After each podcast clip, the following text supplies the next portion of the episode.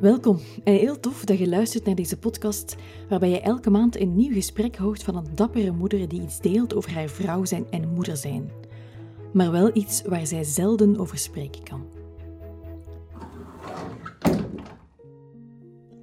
Stap mee binnen in mijn ruimte en luister naar een eenmalig echt gesprek met vrouwen, die voor alle duidelijkheid geen patiënten van mij zijn. Omwille van de veiligheid en confidentialiteit werden namen en niet strikt noodzakelijke persoonlijke details verwijderd. Maar het zijn wel hun stemmen en hun verhalen. Ik ben Rebecca Rogist. Welkom bij Moedergesprekken. Onlangs vroeg mijn dochter: Mama, ik wil buiten spelen. Maar ik was echt druk bezig in het huishouden en, en mijn mama was ook niet thuis. En ik heb gezegd: Ga maar alleen buiten spelen. Maar mama, dat gaat niet, want ik heb geen vriendje. En ik heb echt naar haar geroepen. Daar ben ik echt niet trots op. Mama en papa proberen heel hard een vriendje te maken.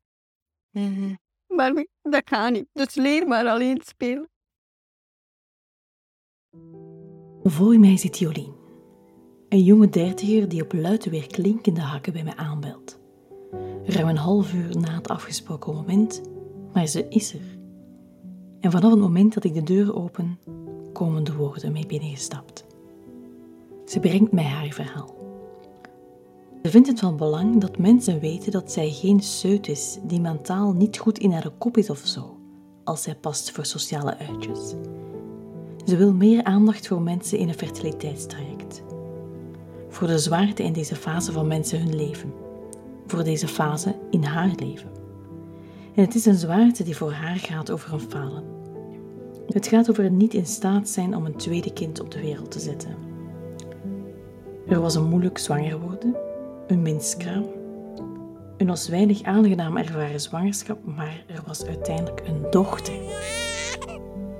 Eén dochter. Een dochter die als er niets verandert, altijd alleen zal blijven.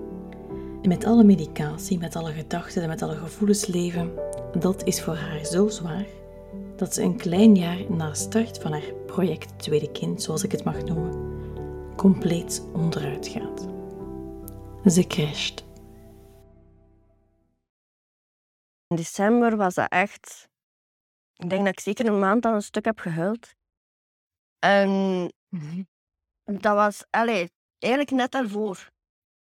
Net daarvoor dacht ik nog, was, was net de periode voordat mijn menstruatie moest doorkomen, allee, al dan niet. En toen dacht ik nog op een dag, oh maar ik ben er eigenlijk deze keer, deze maand, ben er goed mee aan het omgaan, nog geen enkele traan gelaten, goed bezig. En zes uur later wist ik met mezelf geen blijf meer. Ik stopte niet met huilen. Ik heb echt naar een vriendin een bericht gestuurd. Het gaat niet goed met mij. Ik, ik, je kunt mij niet helpen. Niemand kan mij op dit moment helpen, want ik voel dat ik enorm in een neerwaartse spiraal zit. Ik herkende die spiraal wel al van mijn miskraam. Hm. Ehm, ik voel dat ik hier naar de grond ga gaan, maar ik moet, ik moet de grond hebben, want anders ga ik niet meer naar boven. Maar ik zeg je gewoon dat het niet goed gaat met mij, zodat dat, er, dat ik weet dat er iemand is naar wie dat ik terug kan gaan. Dat er iemand is die kan controleren morgen hoe het gaat met mij. En dat heeft wel geholpen, want dat heb ik toen met mijn miskraam niet gedaan en dat is toen echt heel fout. ik, ik heb toen echt weken, maanden niet meer gestopt met huilen met mijn miskraam. Dus ik heb nu wel, ik had het tekenen herkend van het gaat hier niet goed met mij. Ehm, en dat heeft wel geholpen van iemand van buitenaf. Want mijn man wist ook wel dat het niet goed ging met mij, maar iemand extern daarvoor te waarschuwen van check nog een keer met mij morgen hoe dat gaat met mij. Of dat ik eruit Niet, ben niet mijn man, maar iemand anders. Iemand anders. Iemand anders. Het mo- het mocht nieuwe man zijn. Goh, het, Of het mocht, dus misschien het mocht, maar, maar het, het voelde voor mij... Ehm, moet ik dat zeggen? Het, het, mijn man was te betrokken. Terwijl dat er iemand van buitenaf... Die wist ook wel het verhaal wat er speelde en zo allemaal. Maar die stond er ver genoeg af om er neutraal naar te kijken. En oké, het gaat niet goed met... Ik moet hier op een... een, een een neutralere manier naar kijken. Voor mijn man is het, is het feit van mij te zien afzien, van mij te zien huilen, heel dichtbij. En hij kan daar heel wispelturig op reageren. Ik wist van als ik dat van iemand van... Niet van, hij reageert er slecht op, hij reageert er altijd goed op, maar ofwel doe ik hem meer verdriet door mij te zien huilen, ofwel denkt hij soms ook wel wat... "Moet- Misschien moeten we ermee stoppen. Dus op dat vlak wou ik gewoon iemand extern hebben. Ehm, De wetenschap, er is iemand Ja. die weet dat ik zwaar in de shit zit, om het Ja. zo plat te zeggen. En waarvan ik weet dat hij morgen eventjes gaat checken Ja. hoe het met mij gaat. ja, inderdaad. En dat, dat hielp jou. Dat hielp. Dat heeft jou Ja. geholpen. Dat heeft me geholpen. Ja. En ja, ik ben toen die nacht... Ik heb, ik heb niks anders gedaan dan gehuild. Ik heb geen ogen dicht gedaan. Maar gewoon al weten dat er iemand was die mij... Stel, moest ik de ochtend nadien er nog in gezeten hebben, mij eruit zou getrokken hebben. ehm, dat was echt al veel. Ze doet in wat volgt gedetailleerd verslag over het afgelopen gynaecologisch en fertiliteitsproces, deze vrouw. Het toeleven naar ijsprongen die er zijn, die er niet zijn, echo's, progesteronlevels die te hoog zijn, die te laag zijn en andere medische toestanden. Alles wordt op tafel gelegd. Je krijgt zowaar een snelcursus gynaecologie en fertiliteit. Nu, wat er toch al steeds terugkomt in haar spreken, is het spreken over het verdriet dat er steeds opnieuw is op het moment dat haar menstruatie doorbreekt. En er is iets in mij dat zegt dat er misschien ook toch nog wel iets anders speelt. Dat die tranen die op zo'n moment verschijnen, misschien ook wel nog over iets anders gaan. Dat gaat over een falen, over, over, over wat mij niet gegund is. Ik vind dat soms heel oneerlijk. Ik zeg, ik zeg niet dat er iemand die... ehm, iedereen die door zo'n fertiliteitstraject gaat, iedereen heeft het recht op een kind. Dat zeg ik niet. Maar voor mij voelt het soms alsof ik doe voor alles goed voor iedereen. Ik probeer, ik sta te springen voor iedereen. Ik eh, vraag me iets en, en ik, ik sta klaar. En iets als een kind is meer dan door het universum of ja, ik geloof niet per se in een god of zo, maar door iets is mij dat niet gegund. Een tweede. Terwijl, een tweede kind. Terwijl ik zo hard mijn best doe om, om een goed persoon te zijn. En ik zou toch denken dat als ik een goed persoon ben, dat zoiets moois mij gegund is. Mhm. Wat geeft je verdriet nu? Ik weer hard heb moeten werken. En dat voorlopig zonder cadeautje. Jolien die werkt, dag en nacht is die aan het werk. Is niet fysiek, dan is het zeker en vast ook mentaal. Want permanent is zij in de weer om aan iedereen die ook maar iets van haar verwacht, soms is dat uitgesproken, soms eerder in haar beleving, maar om daaraan tegemoet te komen. Elke menstruatie die lijkt voor haar op die manier onder andere bijna een lichamelijke vertaling, zo zegt ze dat zelf, van het was niet goed genoeg. Ik heb het niet goed gedaan. Maar voorbij het verdriet daarvan schuilt er nog iets anders. Angst. Met hoofdletter A. Het ergste is voor mij niet het verdriet. Het ergste is voor mij de angst om mijzelf te verliezen. Want eens dat ik in die neerwaartse spiraal zit, die ik dus herken, heb ik niks meer. Dan voel ik mezelf niet meer, want ik ben zelf een heel positief ingesteld persoon. Ehm, maar eens ik in die neerwaartse spiraal zit van, van dat verdriet, ben ik het mezelf niet meer. En ik heb van grote verwachting. angst. En dat is de angst dat als ik terug in dat verdriet ga gaan, dus ik huil eigenlijk al op voorhand, omdat ik denk, schrik. Ik heb schrik om in die neerwaartse spiraal terecht te komen. Ja. Ja. Mezelf verliezen heb ik pas voor de eerste keer gedaan toen ik mijn miskraam heb gehad. En dat was ook... Ik had sowieso verdriet op mijn miskraam, maar ik had een, een, een partiële waardoor dat er zeker moest maken dat mijn zwangerschapshormoon terug op nul was. Dus ik was super lang bezig om zwanger te geraken. Mhm. Ik was eindelijk zwanger. En toen moest ik plotseling elke week in plaats van een positieve zwangerschapstest hopen op een negatieve zwangerschapstest. En na mijn miskraam ben ik pas echt gecrashed op het moment dat mijn zwangerschapshormoon terug nul was. En het weekend daarna, oké, daarvoor heb ik ook gehuild, hè, maar het weekend daarna ben ik niet meer gestopt. Ik, ehm, ging met de trein naar het werk. Ik ben die maandagochtend niet gestopt van de douche tot aan de deur van mijn werk. En ik zat aan mijn bureau en ik huilde nog steeds. En toen dacht ik van, hier, moet iets gebeuren, want ik ben hier al drie dagen aan één stuk aan het huilen. Dit gaat niet. Mhm. En daar is voor de eerste keer dat ik me echt wel kwijt ben gespeeld. En dat is gewoon heel eng, omdat je... Je hebt niks meer van vast als je zelf kwijtspeelt. Mm. Want ik heb mijn, mijn normale handvaten, als mijn positieve zelf zijnde, van oh, ik hou mij daaraan vast, ik hou mij daaraan vast. En als ik mezelf kwijtspeel, heb ik niks meer. En ik ga zo hard ehm, ja, op de grond, bij wijze van spreken, dat ik, ik, ik, weet niet meer, ik weet niet meer hoe dat ik recht moet geraken. Ik heb toen die maandag, eh, toen ik zo gecrashed was met mijn miskraam, heb ik echt gezegd tegen mijn baas, ik, ik weet niet meer van welk hout pijlen maken. Ik, ik, wil hier, ik wil het hier aanpakken, maar ik weet niet meer hoe. Jolien wist niet meer hoe. Het water dat langs haar lichaam stroomde in de douche, dat bleef komen. Dat was gelijk een kraan die niet meer kon worden dichtgedraaid. Zo bleek toch. Het project Tweede Kind en de verliezen en dreigende verliezen die ondertussen speelden ook in haar privécontext, die deden haar allemaal samen terechtkomen in een gigantische waterkolk. En daar geraakte ze alleen absoluut niet meer uit. Het was via een passage langs haar werkgever dat Jolien bij een psycholoog is beland. Daar ging ze bij spreken en dat hielp haar. Stop daar nu toch een keer mee, werd er haar gezegd door die man. Stop een keer met alles op je te pakken, want tot nu toe heb jij alle moeilijke situaties in je leven gewoon weggezet en gedacht dat je gewoon maar jezelf bijeen moest rapen en voortdoen. Sta stil. Kom alstublieft eerst een keer tot uzelf. En dat hielp haar. Ja, zegt Jolien, doordoen. Zo ben ik opgegroeid. Je pakt je boelke en je gaat door. En als je problemen hebt, dat is heel jammer, maar helaas.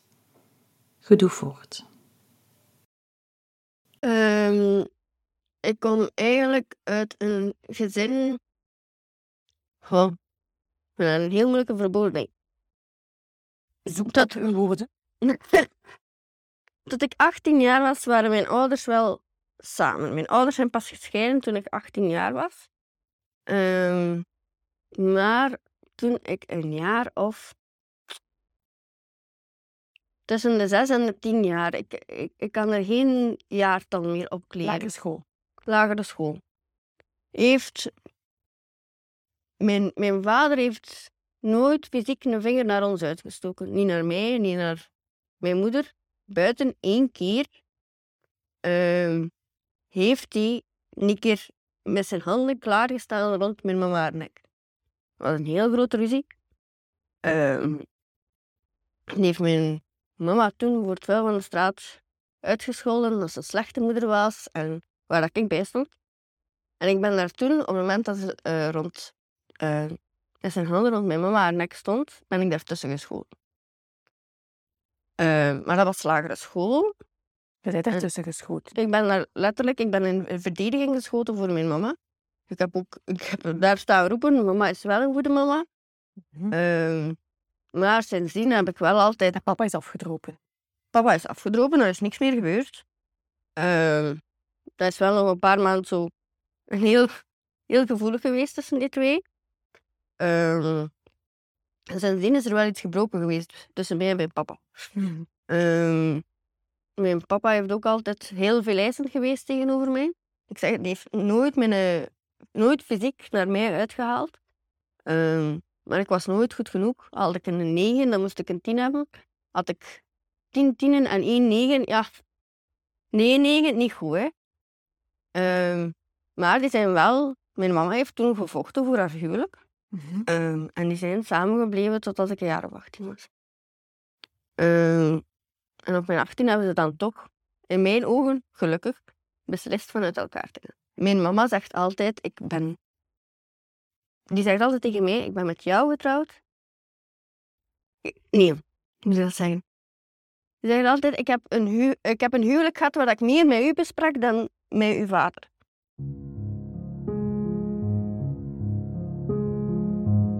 Ik, ik zorgde wel, ik had een enorm verantwoordelijkheidsgevoel voor mijn mama.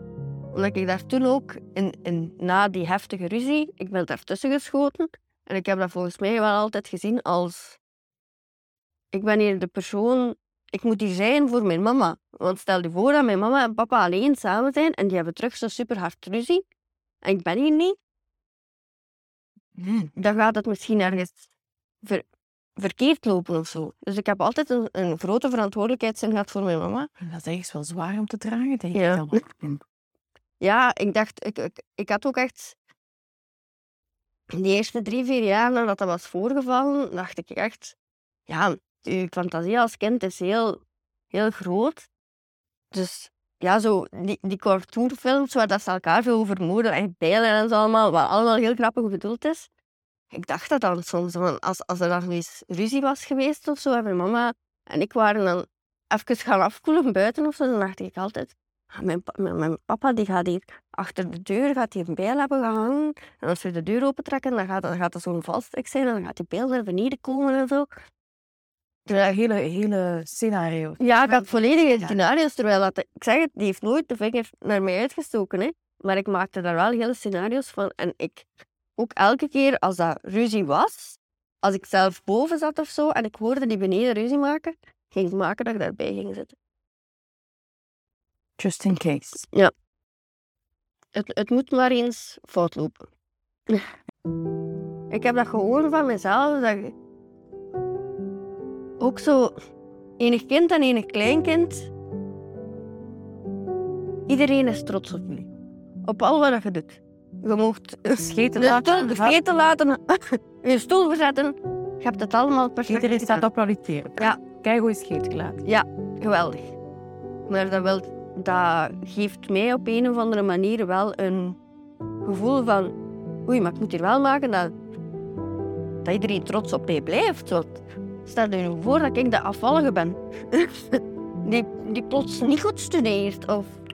Ja, en tegelijkertijd denk ik dan, ja, maar als iedereen toch trots is, zelf omdat je scheten laat, dan lijkt het dat ook kunnen denken, ik heb niet veel te verliezen, want wat ik ook doe, Ja, ik vind het toch altijd allemaal goed. Ja, dat kan ook. Maar op een of andere manier heb ik dat toch... Maar De andere kant in u, er is iets in mij dat, dat die daarvoor zorgt dat ik toch heel, zoals die psycholoog toen heeft gezegd, heel veel eisend ben tegenover mezelf. Want ik moet Want? als je het niet doet, dan. af. Ik weet dat echt niet. Iedereen gaat- gaat ontgoocheld zijn in mij. En als iedereen ontgoocheld is in u, dan. Dan heb ik niemand meer. En als je niemand meer hebt. Dan ben ik alleen, dan red ik het niet. De angst om alleen te zijn, dat blijkt toch wel iets te hebben van de orde van een ondraaglijkheid voor haar. En tegelijkertijd, ja, de mens is een uiterst vernuftig te wezen. We zoeken altijd opnieuw naar oplossingen. En de ene keer vinden we een oplossing die beter werkt dan een andere keer, maar we zoeken altijd naar oplossingen. En dus ook jullie. En een van deze vrouw, haar oplossingen, alvast een stukje van haar oplossing, dat lijkt te liggen bij haar man. Haar man die net als haar ook een tweede kind wil.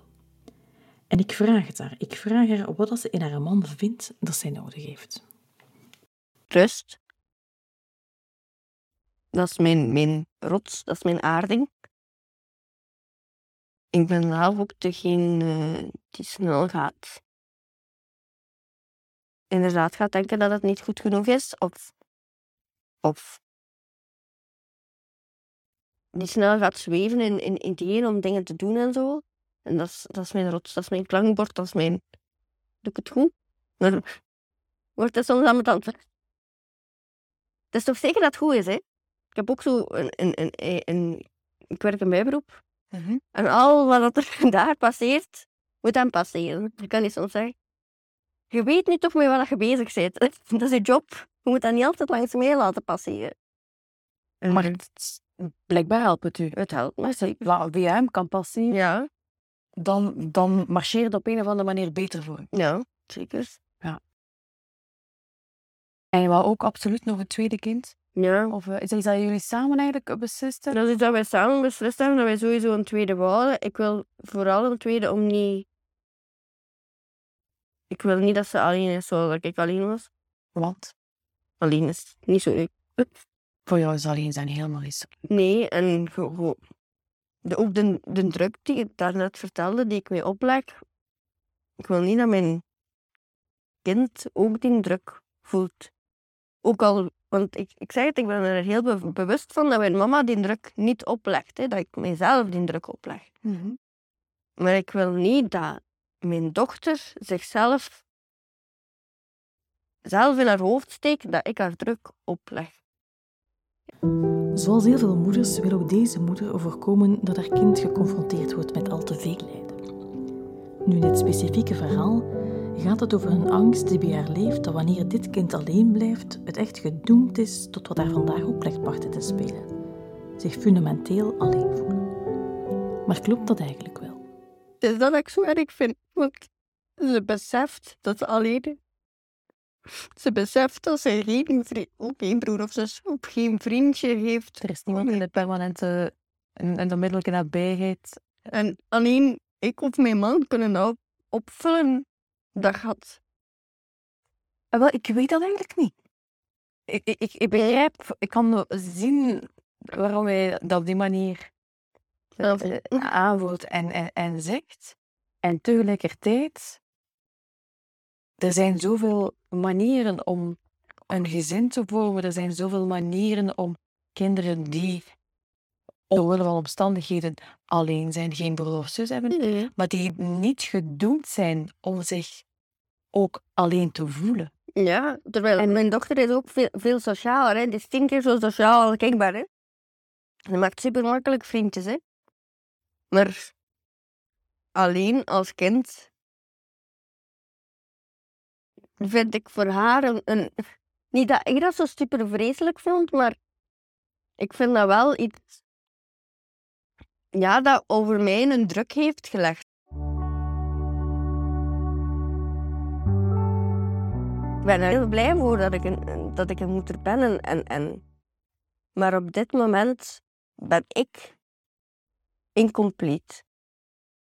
Mijn gezin is niet compleet, ik ben niet compleet. Jij bent niet compleet. Ik, ik voel een leegte in mijn, in mijn gezin. Ze wil het zo graag goed doen. Ze wil haar dochter behoeden om zich net als zij soms fundamenteel alleen te moeten voelen. Wil haar dochter absoluut iemand geven bij wie dat die terecht kan als het leven problemen met zich meebrengt, later.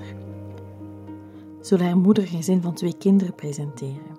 Wil haar partner een tweede kind geven. En ze zou echt waar heel, heel graag zo'n keer een optie willen in haar leven. Ik zou soms ook zo, maar dan zijn we dit punt al lang voorbij, zo'n optie.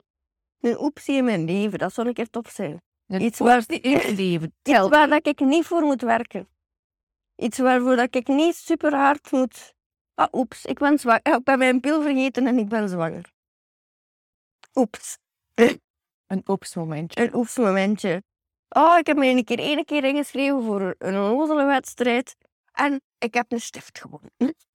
Heb je dat al een keer geprobeerd? Zo'n keer iets niet te willen? Heb je dat ooit nog nooit gedaan? Ik zou zelf niet weten hoe of wat. Nee? Wie, zijn er mensen die jij kent die dat doen? Nee, Een oepsmomentje? Is uw man een van de... de- is dat een oepster? nee, Het is geen oepster. dat is wel geen noepser. Dat is zo noemen. Ik kan, nee, maar... Die kan ook heel moeilijk loslaten. Maar het heeft dat wel minder dan ik. Wie kan er wel goed loslaten? Wie kent hij? Is, maar de die of de dienen, dat is echt een oepser. Die- Dat is iemand die perfect de dingen kan loslaten, niet te veel stress heeft, al de dingen, de, de dingen laat zijn, niet alles op voorhand tienduizend keren be- bedenkt en, en, en nog een keer doorlaat. Ken je zo iemand? Wat me het rare is dat ik deels ook zo ben. Ik kan mega slecht plannen of zo. Dus ik, ik krijg stress van een plan te hebben. Want ik weet dat er dan... Er gaat iets afwijken van mijn plan. Dus ik leef liever zonder plan. Maar op een of andere manier sluipt daar toch ergens onbewust een plan in. Maar er zit een klein hoepsterken in. Er zit een opster in. Zeker, Een waar. hoepsterken in. Maar op een of andere manier neemt dan toch de, de gestructureerde helft van mij over. En die toch zegt, ja, maar denk daar toch maar eens goed over na. Een leven met een dergelijke permanente spanning, met een druk, zoals zij dat zelf zegt. Zou er dan nergens iets zijn dat op een of andere manier een klein beetje tegengewicht kan bieden? Zo'n klein opsterken. Waar geniet jij vrij van? Tegenwoordig niet zoveel meer. Ik vind dat tegenwoordig heel moeilijk. En, en voor tegenwoordig? Vroeger, ik danste heel graag. Maar ik raak me daar zelf niet meer in Je kwijt. bent een danser. Oh, wat voor dans? Dans? Oh, van alles. Van alles. Jazz, musical, jazz. Um, wat funkachtig. Allee, jong. Ja. Richtig. Ehm, En je bent daarmee gestopt? ik dans wel op, maar ik dans op dit moment niet meer. Ik dans voor mijn vrienden, maar ik dans niet meer voor mezelf. Ik raak mezelf daar niet meer in kwijt. Ook niet in die badkamer, in die onderbroek of zo? Nee. Ik vind Of mijn dochter? ja, dat, weer wel. Maar ja, op dit moment is er heel veel zwaar aan mijn... Allee, ik heb een heel zwaar leven. Dus het kan toch? Ja, je dat? ja zeker. Ehm, dat is niet waar.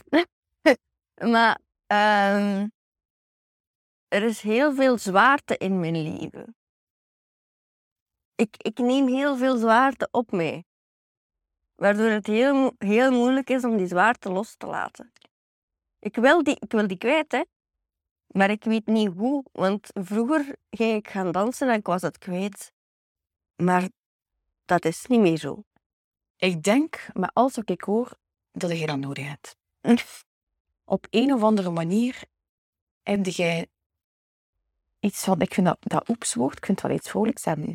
Iets van de Ja. rest nodig, iets, iets van moi je m'en fous, uh, laissez-faire, eh, iets dat je energie geeft. Ja.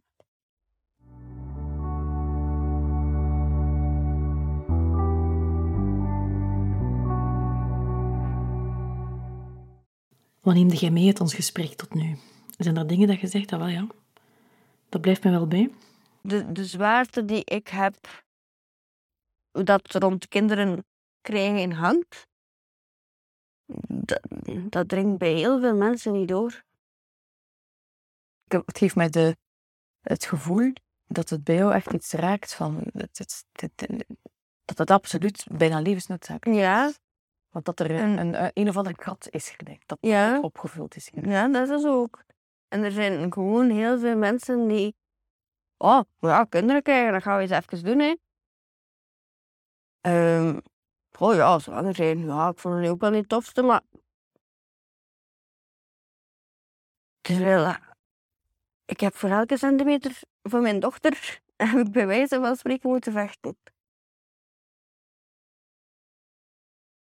Je bent aan het van alles aan het denken nu. Ja. Nee. Ik denk, denk eigenlijk niet veel. Ik weet het niet goed. Ja. Ik denk alles en ik denk niets. Wat neemde jij al mee uit ons gesprek tot nu toe? En dat ding dat je zegt, dat, is- dat, dat blijft mij wel bij. Gewoon. Dat toch dat druk opleggen. Dat dat... Dat dat toch ergens heel diep geworteld zit. Die druk opleggen. Terwijl ik dat wel allemaal besef, maar dat het zodanig diep geworteld zit dat ik niet 100% weet dat ik dat eruit krijg. Ehm, dat er wat meer opties moeten komen. Mogen komen, Mogen want we moeten niet meer terug. Ja, dat is waar. Er mogen meer opties komen. Ja. En dan er inderdaad. En dat heb ik, al heb ik het eigenlijk zelf gezegd hier net, dat er een zodanige zwaarte is dat er geen lichte momenten meer zijn in wat dat nu is. Hm. En dat die er inderdaad meer mogen komen. Ja. Hoe, dat weet ik nog niet. Is er iemand die u daar zou bij kunnen helpen? Bij wie dat je zou over kunnen klankborden? Ja, super. Is uw man daar een, een interessante voor? Nee, nee, meteen. Een man is niet voor alles goed. Dus sommige dingen zijn dus andere. Dat is zo. Ik ga er sowieso wel over vertellen, maar ik weet niet of dat hij per se nuttige ideeën gaat aanbrengen. Ik denk dat hij dit zoiets zou hebben. Ah ja. Ja. Cool. Dat je dat besproken. Punt. Dan lijkt het mij interessant en dan om iemand anders ook bij te gaan zoeken.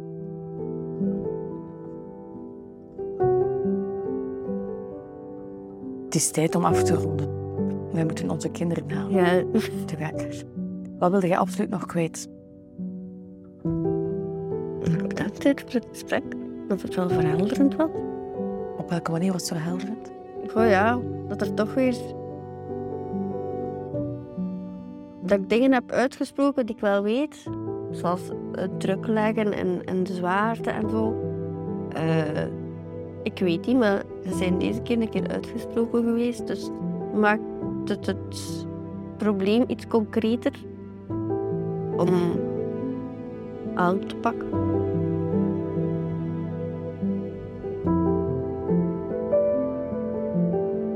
Ik heb nog één vraag. Wat is uw lied?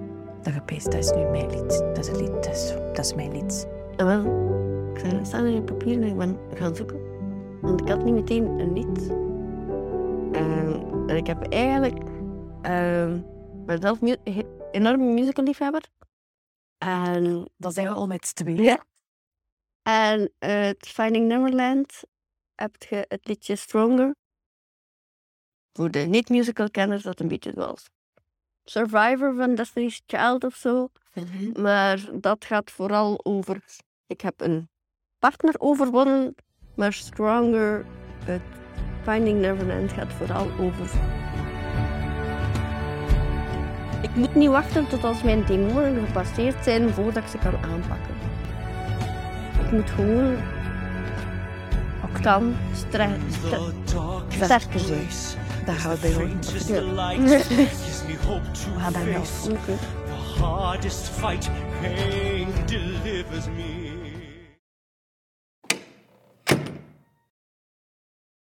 Merci dat je opnieuw hebt geluisterd naar een aflevering van Moedergesprekken. En ik zou niet helemaal eerlijk zijn als ik niet zeg dat ik nu niet een beetje nieuwsgierig ben naar wat er bij u resoneert in dit verhaal. En ook welke verhalen jij te vertellen hebt.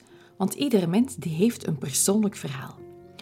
Dus als jij ook goesting hebt om samen met mij in gesprek te gaan over vrouw zijn en moeder zijn, dan kan je hiervoor aanmelden via rebeccarogis.com. Het is trouwens zonder kinderen, met warme koffie en ook een koekje erbij als je dat zou willen. Op mijn website kan je je trouwens ook aanmelden voor een gratis klankbordsessie. Dat is geen praalbarak of ventileercafé voor moeders, maar wel samen met andere vrouwen helderheid en nieuwe inzichten krijgen op een persoonlijk vraagstuk. En dan tot slot wil ik graag nog twee dingetjes vragen. Kort, want ik weet het, als moeder heb je doorgaans niet bepaald heel veel tijd op overschot. Ik zou het heel fijn vinden als je in de app waarmee je dit hier beluistert, moedergesprekken even een aantal sterren geeft. Vijf zou uiteraard fijn zijn, maar de keuze is helemaal aan u. En als je iemand kent die iets aan moedergesprekken zou hebben, dan zou ik het ongelooflijk appreciëren als je deze podcast deelt of de aflevering doorstuurt. Voilà, woorden genoeg voor vandaag. Wat mij betreft, heel graag tot binnenkort. Ciao.